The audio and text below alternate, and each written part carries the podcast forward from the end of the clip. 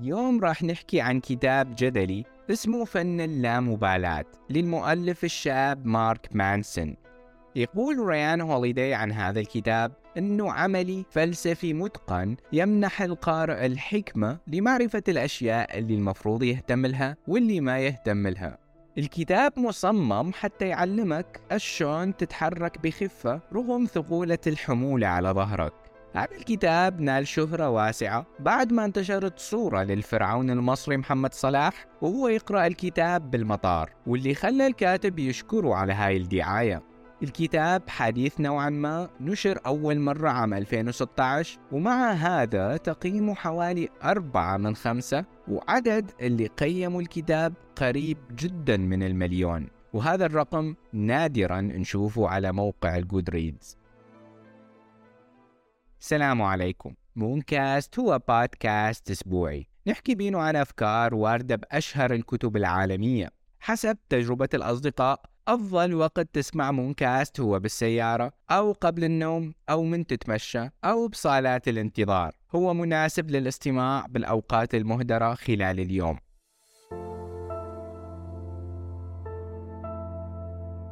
بدون أي مقدمات الكتاب بيبدي مباشرة بسرد قصة مدمن الكحول والنساء تشارلز بوكوفسكي. الرجل هذا كان زير للنساء وبخيل ومقامر وهو آخر شخص ممكن تطلب منه نصيحة لحياتك. بوكوفسكي كان يريد يكون كاتب بس دائما ينرفض ويقولوا له عملك مقزز وبشع. الرفض المستمر يغمسه أكثر بالاكتئاب واللي يغذيه بالكحول بحيث يقول الكاتب أنه أغلب فترة حياته قضاها بالاكتئاب. الرجل هذا كان يستلم راتب بسيط يصرف أغلبه على الكحول والمتبقي كان يخسره بالقمار. كان يشرب ويكتب شوية شعر وينام وحيد بالليل حتى مرات يقعد يشوف نفسه نايم على الأرض فاقد الوعي. هاي الحالة التعيسة استمرت 30 سنة ولكن بسن الخمسين استعطف حالته المزرية واحد من المحررين بدور النشر. ما وعدوا بكثير من المال ولكن بوكوفسكي جاوب هذا المحرر برسالة نصية وكتب عندي خيارين إما أبقى بشغلي الحالي إلى أن أجن أو أتقمص دور الكاتب وأموت من الجوع وأنا قررت أموت من الجوع. وكأنما يقول موافق على الفتات اللي راح تعطيني هو على أمل أنه أنجح ماديا ولو على الأغلب راح أموت من الجوع. بس خلي نحاول. اللي صار أنه بوكوفسكي نشر أول رواية بعنوان بسيط جدا وغير جذاب للقارئ أبدا اسمها مكتب بريد. وبخانة الإهداء كتب مهداة إلى لا أحد. حتى ما نطول القصة أكثر. بوكوفسكي بالنهاية نشر ست روايات وصار مشهور وناجح وما حد متوقع هذا الشيء من شخص معروف بالفشل. طيب لحد الآن القصة عادية. سامعين مثلها مئات المرات. الشخص اللي ما يستسلم ويعاني وبعدين يصل ومن هذا الكلام المستهلك. وهوليود مليانة أفلام سيرة ذاتية من هذا النوع. لحد الآن ماكو أي شيء غريب. بس الصادم والغريب أنه بوكوفسكي منقوش على قبره عبارة لا تحاول. الجملة المبهمة هاي هي عنوان الفصل الأول من كتاب فن اللامبالاة واللي بعد ما قرأت الكتاب ثلاث مرات افتهمت أنه المقصود بيها لا تحاول تجنب معاناة الحياة لأن بمحاولتك تجنب مشاكل الحياة فهاي معاناة بحد ذاتها. وهاي هي الجملة اللي راح نبني عليها بقية الحلقة. الكاتب يقول أنه معدلات الاكتئاب صار بيها زيادة صاروخية بآخر 30 سنة بسبب كثرة المشاكل اللي نتعرض لها واللي قسم منها مشاكل سخيفة ما تستحق المبالاة. موني مارك مانسون يحكي لنا عن ثقافة الاستهلاك. واللي تخليك دائما محتاج للمزيد والمزيد. اشتري فلان شيء وفلان الإعلانات بالوقت الحالي يا جماعة تقنعك أنه حياتك راح تكون أحلى إذا كان عندك سيارة مرسيدس أو ساونا بالبيت أو تلفزيون 4K حتى تشوف بينه أفلام وغيرها. هاي الإعلانات بدت تخلق عندنا احتياج لوجود أشياء. بالحقيقة نحن ما نحتاجها. والإعلانات هاي يا جماعة تحسسك أنه أكو مشكلة بلا امتلاكك لهاي الأشياء. وبالتالي تبدي تركز على امتلاك فلوس أكثر حتى تشتري الكوفي ماشين. أو تبحث عن زوجة أجمل لأن كل اللي شفتم على الإنستغرام أحلى من زوجتك. بالمناسبة الفيسبوك وغيره من المواقع المجانية. فكرته أنه يبقيك أطول فترة ممكنة داخل التطبيق يجمع عنك معلومات من الأشياء اللي تشوفها واللي تعجبك وتشاركها وتعلق عليها. بعدها يبدي يقترح لك أشياء مشابهة حتى تطول فترة بقائك بالتطبيق. وبعدها يزيد لك إعلان من هذا اللي يعجبك حتى تشتري أشياء أنت ما تحتاجها وحياتك ماشية بلا إياها. هاي هي طريقة ربح الفيسبوك. نرجع لكلامنا. من نشوف مثلا ناس تنشر ستوريز على الانستغرام يتصورون قرب شلال والضحكات تملي وجوههم المفلترة أو جنب شباك الطائرة للشخص المسافر للندن. صور هاي نفسرها بطريقة وكأنما صاحبها يقول شوف حياتي أحلى من حياتك. مع العلم ممكن يكون بحالة كآبة وماخذها ونحن نشوف الابتسامة فقط. أيضا أنت اللي تسمعني كم مرة أخذت صورة مبتسم بيها بس بداخلك حزن أو ملل أو قرف من المكان أو من الوضع اللي أنت بينه حاليا. تشوف منشور لشخص مخلي موسيقى حماسية ويتزلج على الجليد ومستمتع. وانت قاعد وحدك بالشغل تحت الشمس الحارقة تلعن حياتك وممكن بلدك. الحياة المثالية على الانستغرام أنتجت جيل كامل صار يشوف أنه الحزن أو القلق أو حتى الملل شيء غير طبيعي تماما.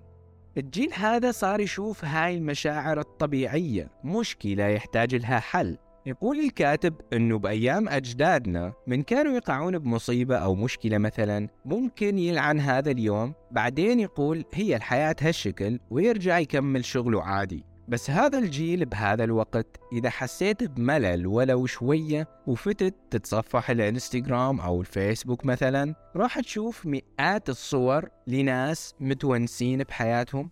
وتخرج من التطبيق بصعوبة بعد ما دخلت بدوامة ال reels وال stories وتشوف إنه الملل بعده موجود. بس اللي اختلف إنه تعرضت لعدد لا نهائي من الصور اللي تحسسك بتعاسة عيشتك العادية أو تحت العادية. على طاري الملل اسمحوا لي يا جماعة أسهب شوية بالكلام بهذا الموضوع. نسمع ناس إنه مثلا ما تشوف course ال Photoshop لأنه ممل. ما تقبل تتعلم أو تطور من ذاتها إلا إذا كان ال course ممتع ومسلي و animation وحركات ونكات. بس السؤال هو من ايمتي كان التعليم شيء ممتع؟ إذا لقيت كورس مسلي فأنت محظوظ لأن بالأصل التعليم شيء ممل ومتعب على الأقل بالوقت الحالي أو بوقت تسجيل الحلقة. بس نحن بدينا نطالب حتى التعليم يكون ممتع حتى ما نمل.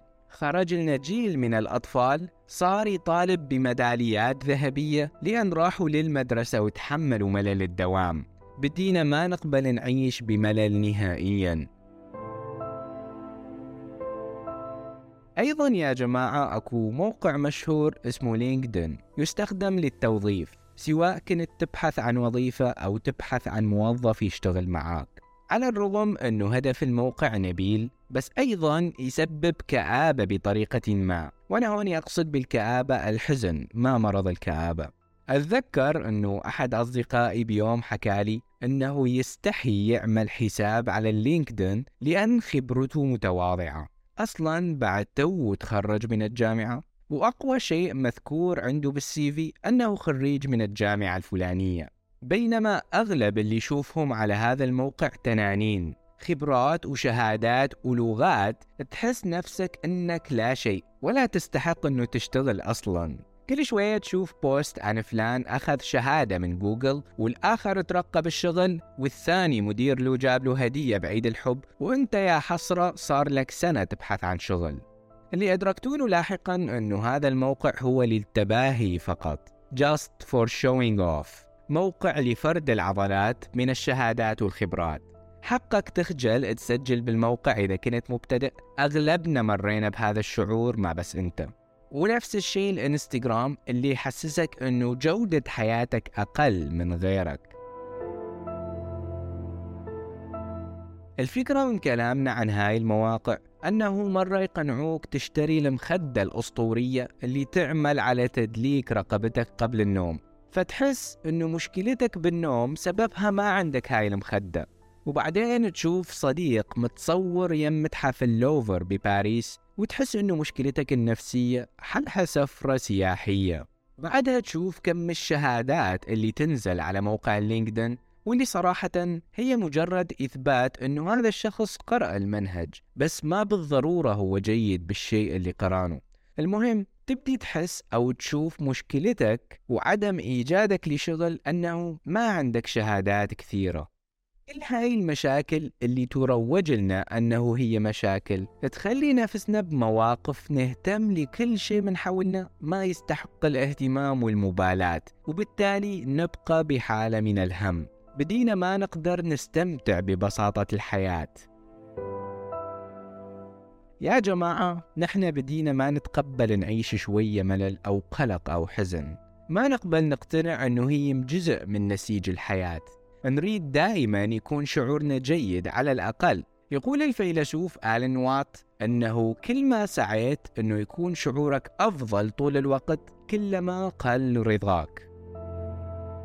يقول مارك مانسون من تبدي تهتم لكل التفاصيل فهاي حالة مرضية راح تأكلك حيا. إذا تنزعج على مود لغى أو تأجل عرض برنامجك التلفزيوني المفضل أو لأن عامل المحطة البنزين ما رجع لك باقي الفلوس واللي هي ما تسوى. وكأنما تحاول تشعر أو تصل لمرحلة أنه من حقك تكون مرتاح دائما. تبدي تحس أنه كل إزعاج من شخص حولك هو إهانة مقصودة بحقك لأن المفروض تكون مرتاح. بس يا جماعة المفروض ما نهتم اهتمام زائد بكل هاي التفاصيل. ركز اهتمامك على الأشياء اللي تستحق أنه فعلا تضوج من أجلها. فمثلا مارك مانسون يقول أنه مرة والدتي انسرقت من صديقتها. هذا موقف يستحق الاهتمام. ما المفروض أعزيها وأقول الله يصبرك على مصابك وأكمل متابعة المسلسل وعليه اقترحت نوكل محامي بالقضية ونرجع حقنا. ونسحق هاي الإنسانة إذا تطلب الأمر. حتى ننهي هاي المشكلة والتفكير والاهتمام بيها. بس السؤال إذا توقفت عن المبالاة بالتفكير بسيارة الشيفروليت كامارو أو شراء بيت على الشاطئ أو الوصول للجسم الصحي والمثالي فغالبا ما راح ننجز أي شيء منهم. وهون الكاتب يجاوب بجملة عظيمة ويقول أنه كل شيء يبدو وكأنه يتخذ موقعه الصحيح من تلقاء نفسه بطريقة ما. عندما تكف عن فرط الاهتمام به.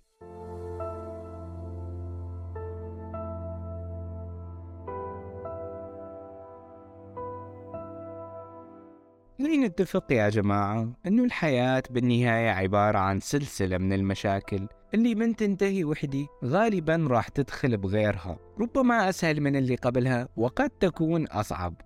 هاي هي الصفعة اللي يطرحها مارك مانسون واللي خلت الكتاب يكون حقيقي. الحياة ما مقصرة معانا بالمشاكل قسم من المشاكل ما تستحق المبالاة وقسم الثاني المفروض تعالجه ما تهرب من عنده. حل المشاكل يعطيك شعور بالإنجاز والفرحة تمشيك ربما أيام.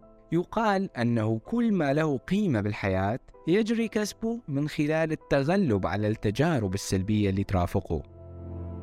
محاولة تجنب المعاناة هو شكل من أشكال المعاناة نفسها. تجنب الصراع هو صراع بحد ذاته وإنكار الفشل فشل. محاولة تفادي الألم هي مبالاة بالألم أكثر. نفس ما يقول أبو المثل أنه ما تقدر تهرب من نفسك لأن موجود وين ما رحت. نفس الأمر بالنسبة للمشاكل وين ما رحت راح تقابلك. ولكن عدم المبالغة بالاهتمام بكل مشكلة يشعرك براحة تجاه فكرة أنه دائما هنالك قدر من المعاناة ما ممكن تجنبه بالحياة.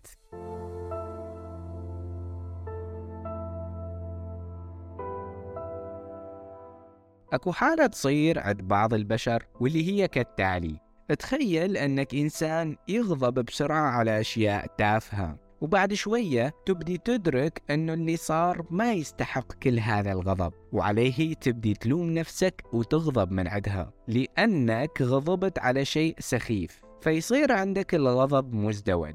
هاي الحالة يسميها مارك مانسون بالحلقة الجحيمية المتكررة أو Recurring Infernal Cycle. مثلا تحس بالذنب نتيجة غلطة معينة سويتها بعدها تحس بالذنب على نفسك لأن عندك هذا الإحساس أصلا. فتبدي تدور بحلقة من الإحساس بالذنب ما تقدر تخرج منه. صراحة قبل قراءة الكتاب كنت أحسب أنه هاي الحالة تصير بي وحدي وفرحت من قريت هاي المشكلة وبديت أقرأ كل سطر بالكتاب بعناية حتى أشوف حل الخروج من هاي الحلقة. بس كل اللي ذكروا الكاتب عن هاي الحلقة أنه هي جزء من جمالية كوننا بشر. وصراحة هذا الشيء كان مخيب للآمال لوهلة من الزمن. بس بعدين أدركت أنه هاي الحالة طول ما أنه هي تصير مع غير ناس فشيء عادي أنه تحدث معاي. يعني ما أنا الوحيد اللي أعاني منها. غالبا ال overthinkers أو الناس اللي يفرطون بالتفكير يعانون منها وبالتالي هذا شيء مطمن بحد ذاته. حتى نقرب الأكل. حتى نقرب الأمر أكثر. تذكرون يا جماعة من كنا طلاب ونسقط كليتنا بالامتحان؟ ما نحس بالذنب وقتها. الفصل الدراسي كله رسب وحتى أذكى الطلاب وأشطرهم. الرسوب الجماعي ما بينه تأنيب للضمير. لأن اللي أصابك أصاب غيرك وما بينه جلد للذات. من ترجع وتقول لأهلك والله المرحلة كلها رسبت أيضا ما راح يلوموك. لسان حالهم يقول ابننا ما معيوب أو مقصر بالدراسة المشكلة بالأسئلة أو ربما بالتدريس.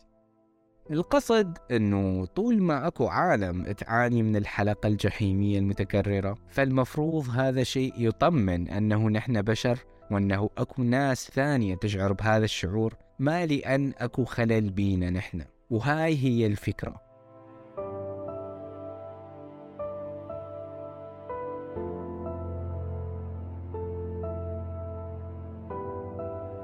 يقول الكاتب كلام حلو. حتى ما تهتم للمشاكل التافهة لازم يكون عندك مشاكل أو مشاغل أكبر تهتم بيها. الناس اللي بالغون بتعظيم مشكلة سخيفة هي غالبا ما عندهم شيء مهم يستحق فعلا الاهتمام. وهذا يا جماعة أشوفه أهم اقتباس راح تسمعوا بهاي الحلقة. إذا كان أكو شيء واحد المفروض يبقى ببالك من هاي الصوتية فهو هذا الكلام. الإنسان البسيط اللي عايش بروتين هادئ يروح لوظيفته كل يوم بالسيارة ويرجع يتسوق لأهله. ممكن يتعكر مزاجه لمدة أيام إذا انطخت أو انجلخت سيارته بالطريق. بس بالنسبة لرجل أعمال صاحب شركة يشوف الأمر ما بتلك الأهمية أو ربما تافه ما لأن يملك الفلوس فقط. ولكن السبب الأكبر أنه مركز اهتمامه على زيادة المبيعات أو توسيع الشركة مثلا. عنده شيء حقيقي يهتم له أكثر وبالتالي بقية المشاكل تبدو توافه مقارنة بها. إذا كنت تهتم أو تنزعج لأن ضيعت عرض السوبر ماركت واللي يقول اشتري علبتين سمك تونة بسعر علبة وحدة فأنت غالبا ما عندك بحياتك شيء حقيقي أو مشكلة أكبر تستحق الاهتمام. وبالنهاية كثرة مشاكل الحياة عندك سببها عدم وجود شيء مهم تركز عليه اهتمامك وقلقك فيبدأ عقلك تلقائيا يخترع مشكلات تافهة يشغلك بيها. الملخص لهاي الفقرة يا جماعة. الاهتمام بالأشياء الصغيرة تدل على أنه ما عندك أشياء كبيرة تهتم لها.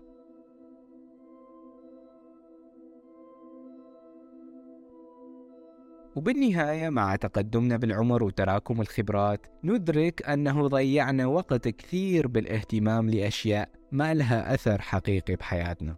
الناس اللي كنت تهتم لآرائهم ماتوا أو رحلوا. ندرك أنه كل شخص عنده مشكلته الخاصة اللي شاغلة باله وماخذة تفكيره. وما حد مهتم لك أو ملاحظ أنك لبست نفس الملابس يومين على التوالي واللي أنت شفتها مشكلة فتبدي ما تهتم لرأي الناس عنك. وهذه هي الحالة اللي تسمى بالنضج. من تبدي تنتقي الأشياء اللي المفروض تهتم لها فقط. ونختم هاي الحلقة باقتباس لمؤلف الكتاب مارك مانسون من يقول Who you are is defined by what you are willing to struggle for. نوعية المشاكل والمعاناة اللي مستعد تتعامل معها هي اللي تحدد منو أنت. عطل جهاز التلفزيون قبل نهائي دوري الأبطال المنتظر. هي مشكلة. قلة الراتب وما يكفيك لنهاية الشهر أيضا مشكلة. وانت اللي تختار نوعية المشاكل اللي تركز جهدك واهتمامك عليها. وتذكر أنه ما من مشكلة في أن تسوء الأمور أحيانا وأن تحس بالراحة تجاه فكرة أنه هنالك دائما قدرا من المعاناة لا يمكن تجنبه إطلاقا. هذا كان كل شيء لهاي الحلقة. إذا عجبك أو استفدت شيء احكي لنا إيش تعلمت أما إذا ضيعنا وقتك فاكتب لنا بالتعليقات ضيعت وقتنا. نلتقيكم بالجزء الثاني من كتاب فن اللامبالاة للمؤلف الشاب مارك مانسون. قريباً.